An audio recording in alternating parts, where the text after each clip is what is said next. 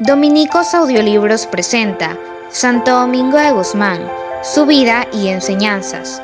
Narración, Stephanie Sanisaca.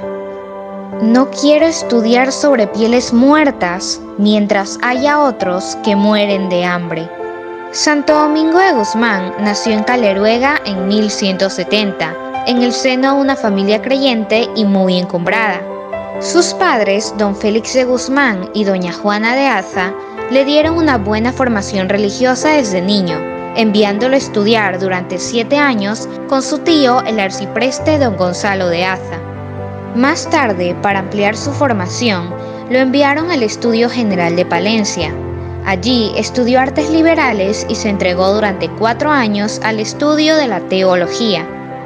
Este contacto directo que tuvo con la palabra de Dios produjo en él tal impresión que comenzó a quedarse pasmado con la Sagrada Escritura, misma impresión que fue la base para que años después fundara la Orden de Predicadores.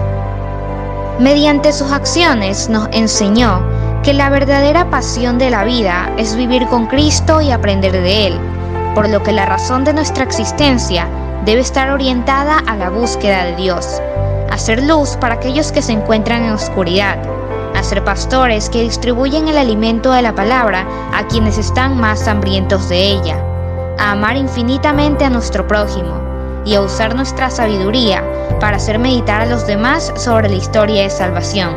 Todo ello con el objetivo de lograr formar un lazo de unión imborrable entre Jesucristo, su iglesia y nosotros como comunidad y como lo hizo Santo Domingo de Guzmán hasta el último de sus días en 1221. Definitivamente, un verdadero modelo de fidelidad y de sencillez.